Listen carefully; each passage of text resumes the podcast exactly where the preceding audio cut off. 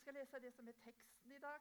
Det står i Lukasevangeliet. Det er fra kapittel 7, og det er fra vers 11 til 17. Og vi leser det i Jesu navn. Kort tid etter dette ga Jesus seg i vei til en by som heter Nain. Læresveinene og mye folk var med ham. Da han nærma seg byporten, ble en død båren til grava. Han var eneste sønn til mor si, og hun var enke. Mye folk fra byen var med henne. Da Herren så enka, fikk han inderlig medkjensle med henne og sa, 'Gråt ikke.' Han gikk bort til og la handa på båra. Da stansa de som bar. Så sa han, 'Du unge mann, jeg sier deg, stå opp.' Da satte den døde seg opp og tok til å tale. Og Jesus gav han til mor hans. Da ble alle fylte av ærefrykt. De lova Gud og sa, 'En stor profet har steget fram hos oss, og Gud har gjesta sitt folk.' Dette ordet om han spredde seg i hele Judea og landet omkring. Skal vi be. Herre Jesus, vi takker deg for at vi fikk anledning til å samles i formiddag i ditt navn. At du er her, midt iblant oss. Og vi ber om at du ville være midtpunkt nå. Vil du tale til oss? Amen. Rett før her så står det at Jesus har helbredet en tjener til en offiser i Kapernaum. Og så går han derifra.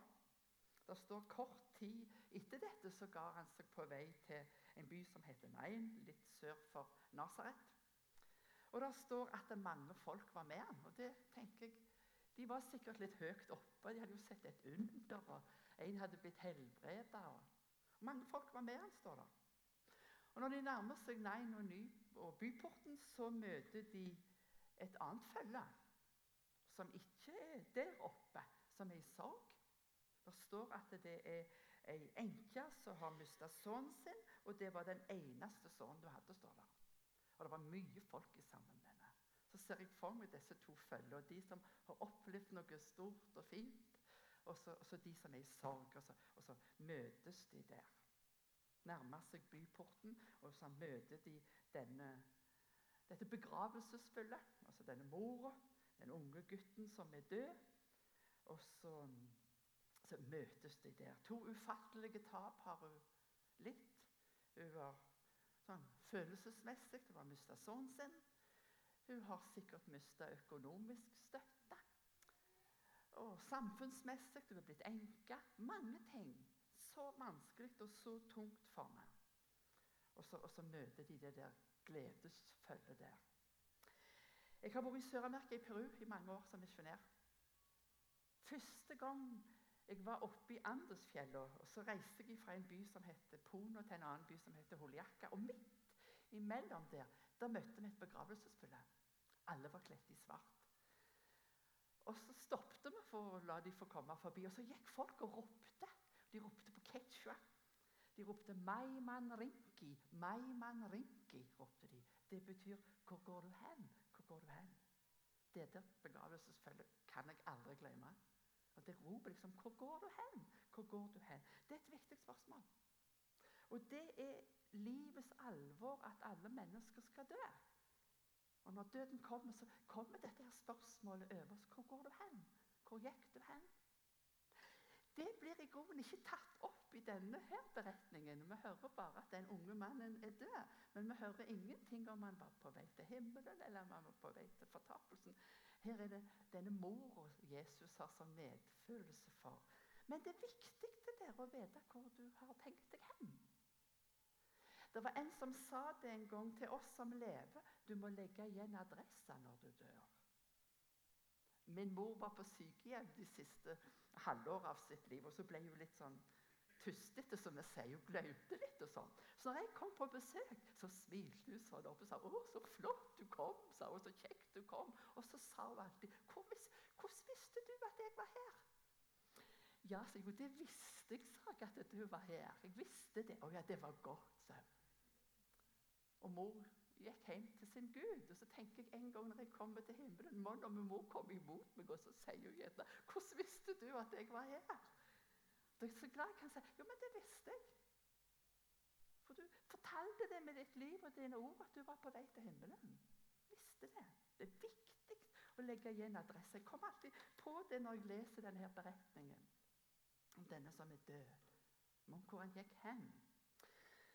Det gjør iallfall veldig inntrykk å lese om det, om denne mora som har mista gutten sin. Nå er hun helt alene. Nå blir framtida annerledes, nå er statusen hennes annerledes. Hvem vil forsørge henne? Hvordan blir livet? Og så er det fint å lese at det var mange folk som var i lag med henne. står Det Det er sånn i sorgen, det at noen ser deg, og noen er i lag med deg. Det fikk hun oppleve. Og så står det dette her som er enda flottere, syns jeg. Der hun kommer, så kommer Jesus i møte med henne. Så er han der. Og så står det om Jesus at når han så henne, så fikk han inderlig medkjensle med henne. Eller med henne, står det. Og han sier 'gråt ikke'.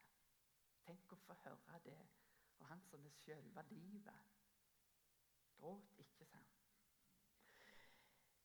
inderlig medkjensle. Jeg har lest om det står, i, sånn, i bibelsk setting så, så, brukes det alltid, eller helst Jeg tror det brukes bare når det står om Gud eller om Jesus. At de har inderlig medkjensle. Vi syns synd i, vet du, og har vondt av og sånn.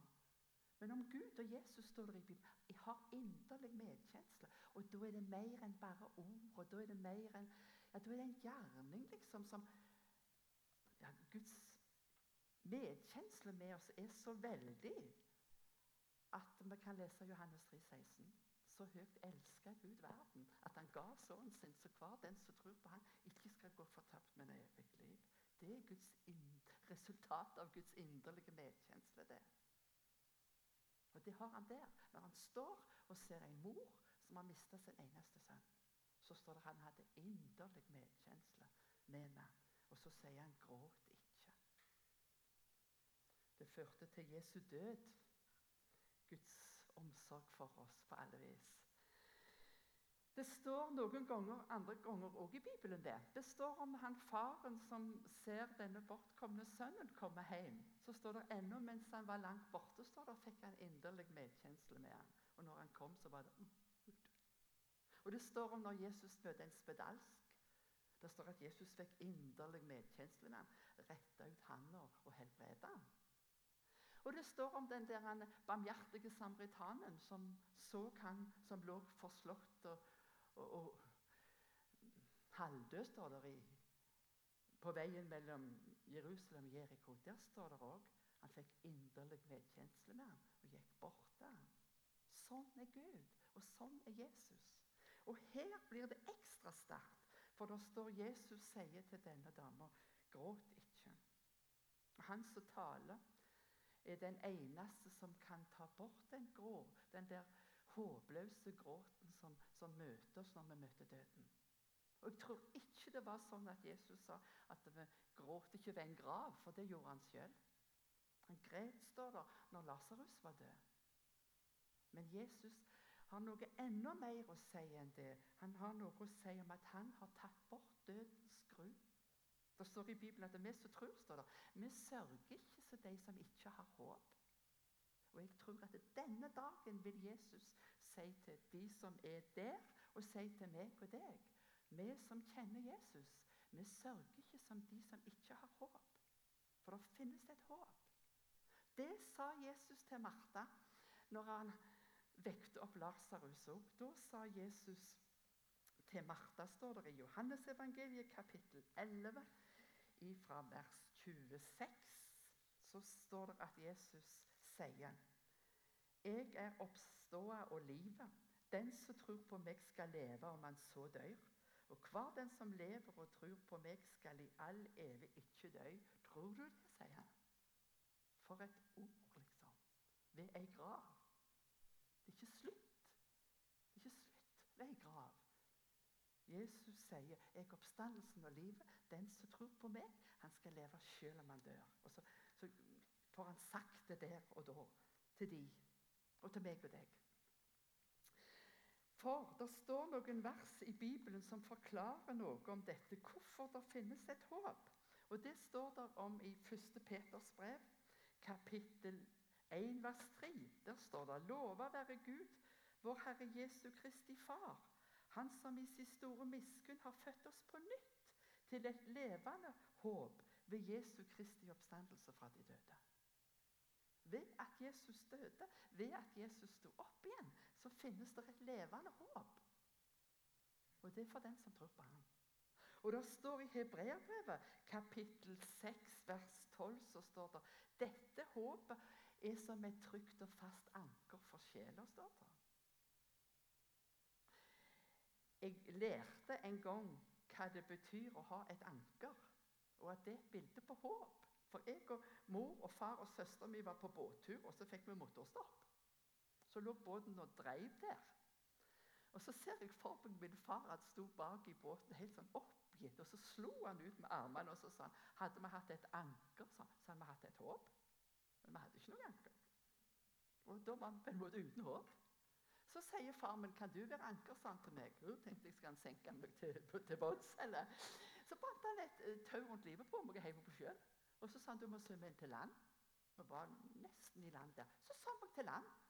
Så sto jeg der og holdt i det der tauet til far min fikk motoren igjen. Og da tenkte jeg jeg er et levende håp. Var jo det. Det sier Bibelen. Lov, du må prise Gud, står der. For han har gitt deg et levende håp ved at Jesus sto opp ifra de døde. Det er som et anker som er trygt og fast, står det. Gråt ikke, sier Jesus til denne dama. Hadde mista gutten sin. Gråt ikke, sa han. Og så sier han noe til denne gutten. Bare med sine ord sier han stå opp. Og gutten står opp. Da står det bare en ung gutt. står det. Han setter seg opp, står det. Og han eh, begynte å tale. Gråt ikke, sier Jesus. Det var noe som skjedde når Jesus sa noe. Hvorfor det? Jo, for at han kom til lide og dø for oss. Han skulle bli reist opp igjen, så det er et levende håp for oss alle. Han er livet. Når Jesus døde på korset, så sa han det er fullbrakt. Da åpna han opp døra til himmelen og det evige riket for oss alle sammen. For den som vil. Så skjedde det da. Vi synger i en sang hva ingen andre i verden kunne. Det både ville og kunne han. Bare Jesus. Og så var det han vi fikk møte til på den sorgtunge dagen. Og så vekte han han opp. Han døde jo igjen, den gutten. Han gjorde jo det. En gang gjorde han jo det. Men likevel så gjorde Jesus det underet, for han ville si noe. Han ville trøste mor. Vil han si noe til de som var der, og så vil han si noe til meg og deg. Det finnes et levende håp. En dag skal alle stå opp, står det. De som tror på Jesus til evig glede, står det. Jesus ville si noe, tror jeg, når han gjorde under. Når Jesus gjorde et under, var det alltid for å si noe mer enn at han ga mennesker brød, eller at han gjorde det stilt på sjøen eller at han ga mennesker god helse noen ekstra år. Han ville alltid si noe mer. Han ville si noe om hvem han var, og hvorfor han kom. Han vil ikke bare gi deg brød, han vil gi deg evig liv. Han vil ikke bare gi deg helse, men han vil helbrede deg fra dine synder. Han vil ikke bare gi deg et lengre liv på jorda, men han vil gi deg evig liv. Han vil ikke bare gi deg stille sjø, men han vil fortelle deg at han kan stille alle stormer i ditt liv. Jesus vil at vi skal fatte tillit til ham og gripe det evige livet. Og så viser han det her denne dagen. At han har makt til det. Og så kan vi tro hans ord. Og så er det kraft i hans ord.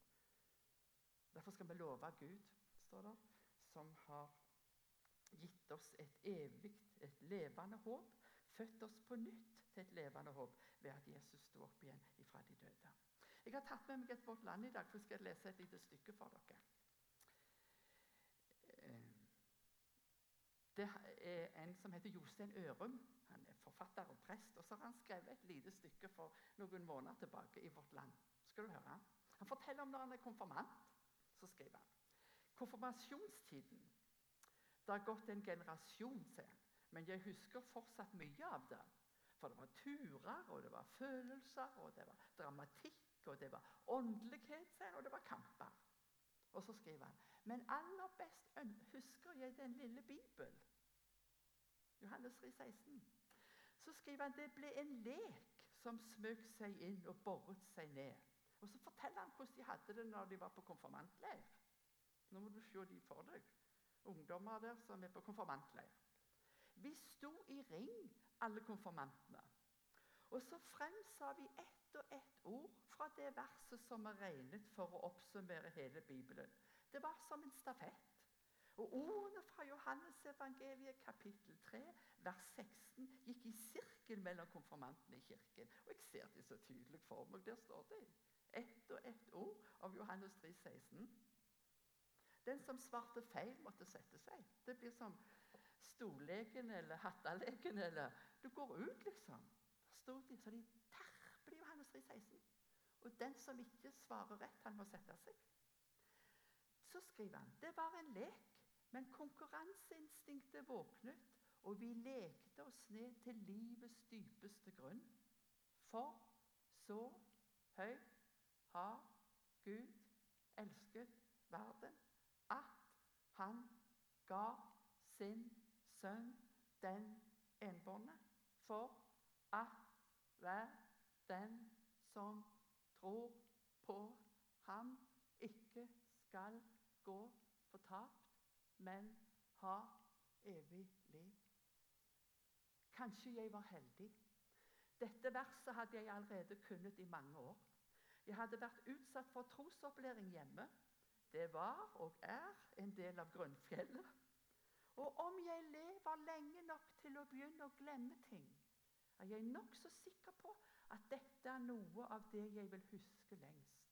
Når sinnet visner, er det ofte de første tingene fra tidlig i livet som ligger nærmest. Og så heter stykket 'Når alt annet er slitt vekk'.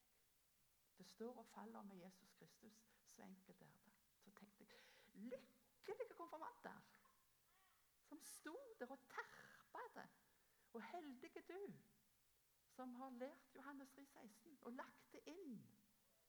Så når alt annet Når sinnet visner, skrev han, er det ofte de første tingene fra tidlig i livet som ligger nærme. Så har du noe der.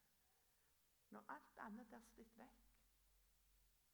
Det handler teksten i dag om òg. Da sier Jesus jeg er oppstandelsen og livet. Den som tror på meg, han skal leve selv om han dør. Det er håpet. Det er håpet. Gutten setter seg opp står der, og, og begynte å tale. Det er et bilde på gjenfødelse, om vi skal si det sånn. Ja. Født på nytt igjen, på en måte. Det kan jeg og du òg bli. Håpet, står der, det skal ikke gjøre oss til skamme, står det i Bibelen. Har du et håp på Jesus, skal du aldri komme til skamme, står det. Det er sant. Jesus er oppstandelsen og livet. Vi får et herlig innblikk i dette mysteriet i denne beretningen der Vi får se at en død står opp. Det legger solglans over en tung dag for deg. Det skal det gjøre for meg og deg òg. Døden er ikke det siste. Det stopper ikke ved grava. Vi har, vi det. Jeg tror på Den hellige ånd, sa vi i dag. Den hellige allmennkirke. Det hellige samfunn, sa vi. Syndens forlatelse. Legemes oppstandelse og det evige sier det fram hver søndag og kjenner det. liksom, Tenk at jeg tror på det. Legemes oppstandelse og det evige liv. Det bringer håp til oss når alt er mørkt og vi står ved ei grav. Jesus oppstandelsen og livet. Resultatet her det ble at alle ble fulgt av ærefrykt, og de lovte Gud. Og så sa de Gud har gjesta sitt De skjønte hvem Jesus var har gjesta sitt folk. Det står i Johannes-evangeliet òg. Han kom til sine egne, står. Ordet står der ble menneske og tok bolig iblant oss. Han kom til sine egne, står og hans egne tok ikke imot ham. Men de som tok imot ham, står der, de ga han rett til å bli Guds barn. De som tror på navnet hans. Du tror vel på Jesu navn? Skal kalle han Jesus, sa de til Josef for han skal frelse folket sitt fra syndene deres. Og derfor han kom. Og så er han livet. Ryktet spredde, spredde seg, står det her. Dette ordet om han spredde seg i hele Judea og landet ikring, står det. Og det er misjonen, det, å være med og spre navnet om Jesus. Rundt omkring i Norge og rundt omkring i hele verden. Fortelle hvem han er. Fortelle om muligheten det er å få leve selv om du dør. For Jesus er oppstandelsen og livet. Jeg var i Oslo noen år siden. Det var vitnemøte etter søndagsmøtet. Så kom det fram en ungdom og så fortalte han at han hadde mista faren. Faren hadde vært syk over lengre tid. Og så hadde han samla dem. Barnebarna, svigerbarna. Og så hadde han sagt det til dem at, at, han visste jo at han var veldig syk. Og så hadde han sagt jeg, jeg kommer til å dø, men dere må ikke sørge hadde han sagt, om det, om det ikke finnes et håp. Og så hadde han sagt, og så er det et bibelvers jeg vil si til dere, sånn, som gjør at dere gjerne skjønner at dere ikke skal sørge som det ikke finnes et håp. Sånn. Og Det var Filipperbrevet 1,21. Å leve eller For meg er livet Kristus og døden en vinning, hadde han sagt. Så sier denne sønnen jeg syns bare det var tap, jeg. Det var tap for oss å miste en far. Det var tap for en mor å miste mannen sin. Det var tap for barna mine å miste en bestefar. Og det var tap for forsamlingen å miste en far. Og arbeidsplassen å miste en far. Og så sa han at jeg syntes bare det var tap. Og så sa han far at døden var en vinning. Så hadde faren sagt jeg har jo alltid sagt det at hytta er livet for meg, sa han. Hadde det vært sånn, sa han, at hytta var livet for meg, så hadde døden blitt et tap. Og så hadde han sagt samme hva du setter inn i plassen for Jesus han, og sier det er livet for deg, så blir døden et tap.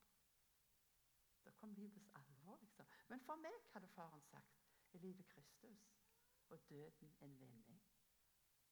For en helsing å få, liksom. Husk det, sa han til oss, sier denne unge mannen. Døden er ikke bare tap, den er en vinning for den som kjenner Jesus. Et lite glimt fra Peru før jeg setter meg ned.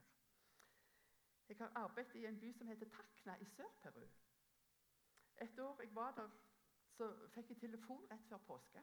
Det er en ny misjonær som var kommet til Peru fra Norge, fra Stavanger og heter Kjellaug. Så ringte hun til meg og så sier Wenche, kan jeg komme på besøk til deg i Takna i Peru? Det går for å være en veldig katolsk by. Jeg har lyst til å komme og se hvordan de feirer påske i den katolske kirka i Peru og i den lille lutherske kirka i Takna. Ja, bare kom, sa Hun kom med bussen, 40 mil. Jeg hadde fortalt det til medarbeideren min, en evangelist, at jeg får besøk fra Norge av en ny misjonær. Hun vil se hvordan de feirer katolsk påske. Ta henne med deg til meg, sa han, på langfredagsmorgen, så skal hun få se. Kom før det blir lyst, sa han. Vi stilte opp 6.30-tida. Så skulle vi gå. Takna ligger nede i en dal. Skulle vi gå opp en høyde der.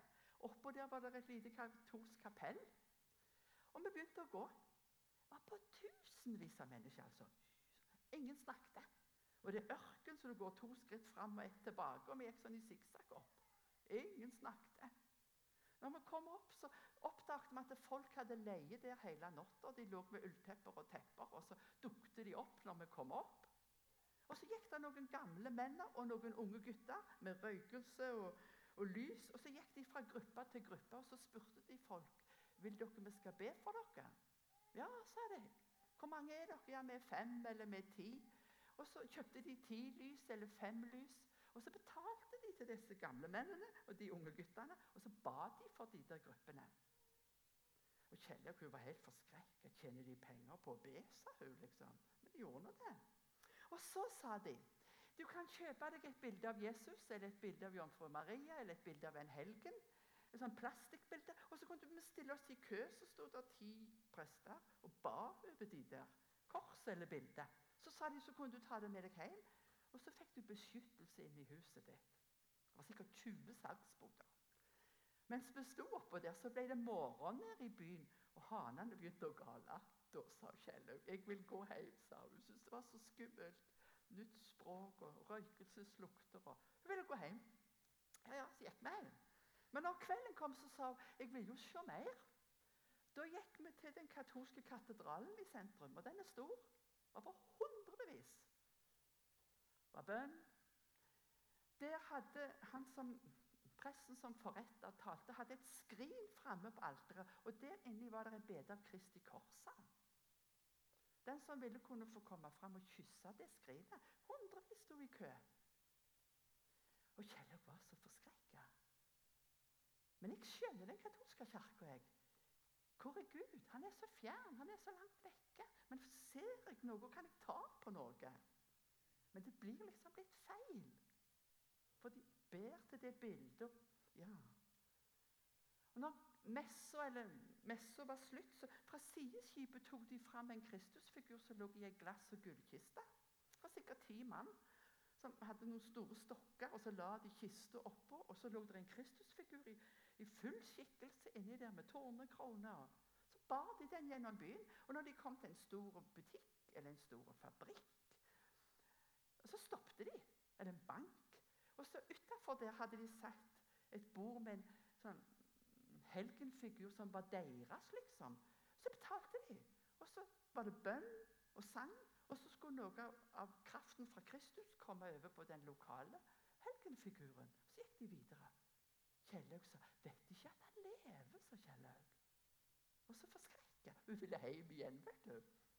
Og vi gikk hjem. Gikk vi forbi evangeliske kirker, for vi hørte de sang. Så gikk vi inn. Frampå der satt det noen menner. En av de kjente jeg. Han var baptistpastor. Han kom bort til meg og så sa han, 'Hva gjør du her i denne pinsevennkirka?' sa han. 'Ikke du lutheraner?' Ja, 'Men hva gjør du da?' sa jeg. 'Du er jo baptist.'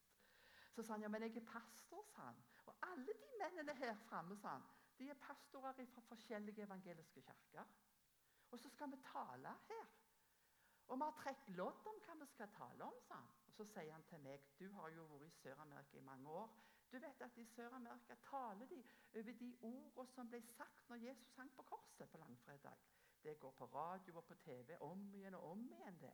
Og vi har trukket lodd, sa. Jeg har trukket det fineste, sa han. Var så fornøyd. Ja, hva skal du tale om, da, sier jeg. Todo está complido. Det skjønner du. Eller consumado es. Det er fullført. Jeg gleder meg, han. Kjell kunne jo ikke så mye spansk, som hun sa hva sier han? Så sier jeg han sier han skal tale om det fineste som ble sagt når Jesus hang på korset. Jesus sa det er fullbrakt. Å, så Kjell jeg var så fornøyd. vet du. Så, hva sier han da? Gikk vi hjem. Så hadde han evangelisten sagt til Kjell kanskje du har et vitnesbyrd på første påskedag i den lille lutherske kirka. Og hun hadde forberedt seg. Hun hadde skrevet, og hadde viska ut, og hun hadde skrevet. Og var så klar. Og første påskedag, der er vi i den lille lutherske kirka. Kjellaug reiser seg, og hun er mye høyere enn meg, reiser seg og skal holde sitt vitnesbyrd på spansk for første gang. Og så på første påskedag så sier hun Quiero leer del libro de Job, sa hun. Jeg vil lese fra Jobbs bok, sa hun. Da tenkte jeg, hun er på tur, tenkte jeg. Første påskedag å lese fra Jobbs bok. Jeg tenkte du må vel ha funnet noe annet. Ja, ikke sant? Jeg tenkte, ja. Jeg, jeg, jeg ikke at det kunne være noe i Jobbs